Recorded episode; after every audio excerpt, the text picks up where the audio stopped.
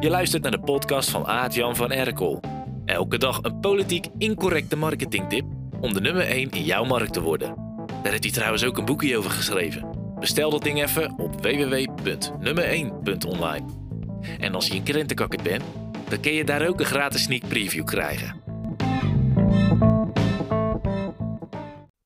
Toen ik in de jaren 70 en 80 opgroeide in de winkel van mijn ouders en speelde of zat te tekenen in de personeelsruimte, toen observeerde ik, zonder dat ik het wist, het opbouwen van lange klantrelaties in de retail.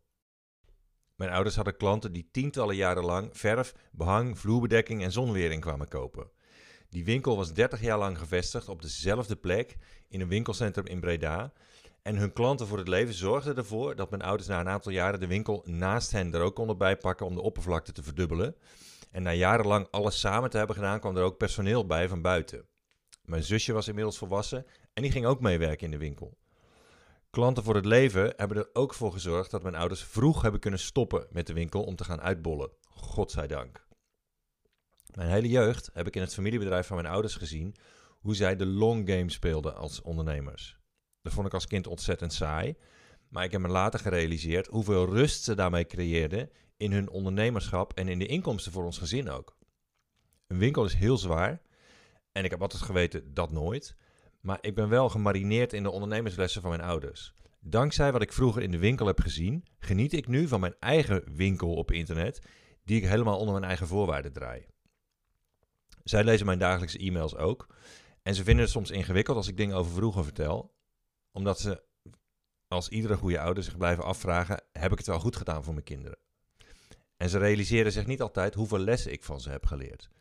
Ik leer vooral de dingen waar ze niet eens over nadachten, zoals elke dag goed zorgen voor je klanten om relaties voor het leven te krijgen. In de masterclass voor de members van het lab die vandaag uitkomt, vertel ik het verhaal hoe ik vroeger in de winkel zag hoe mijn ouders het principe van leads converteren door vertraging toepasten. Het was een van de redenen dat klanten, wanneer ze eenmaal de winkel inkwamen, daarna steeds weer terug bleven komen.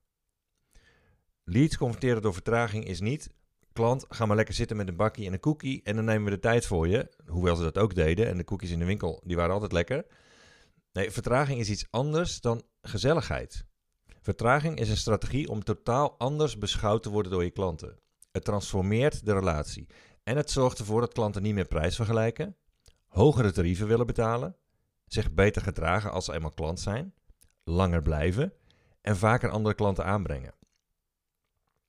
Geef je in de masterclass die we vanmiddag, maandag 3 oktober 2022 om 5 uur naar de drukker sturen, mijn eigen vijf formules uit 2022 om klanten te vertragen nadat ze een koopsignaal hebben afgegeven. Want ik doe er van alles aan om klanten niet overhaast te laten beslissen. Ik hou niet van shopaholics, ik hou niet van impuls aankopen. Van die klanten die wel een training kopen of zich aanmelden voor het lab, maar er dan niks mee doen. Wegwezen!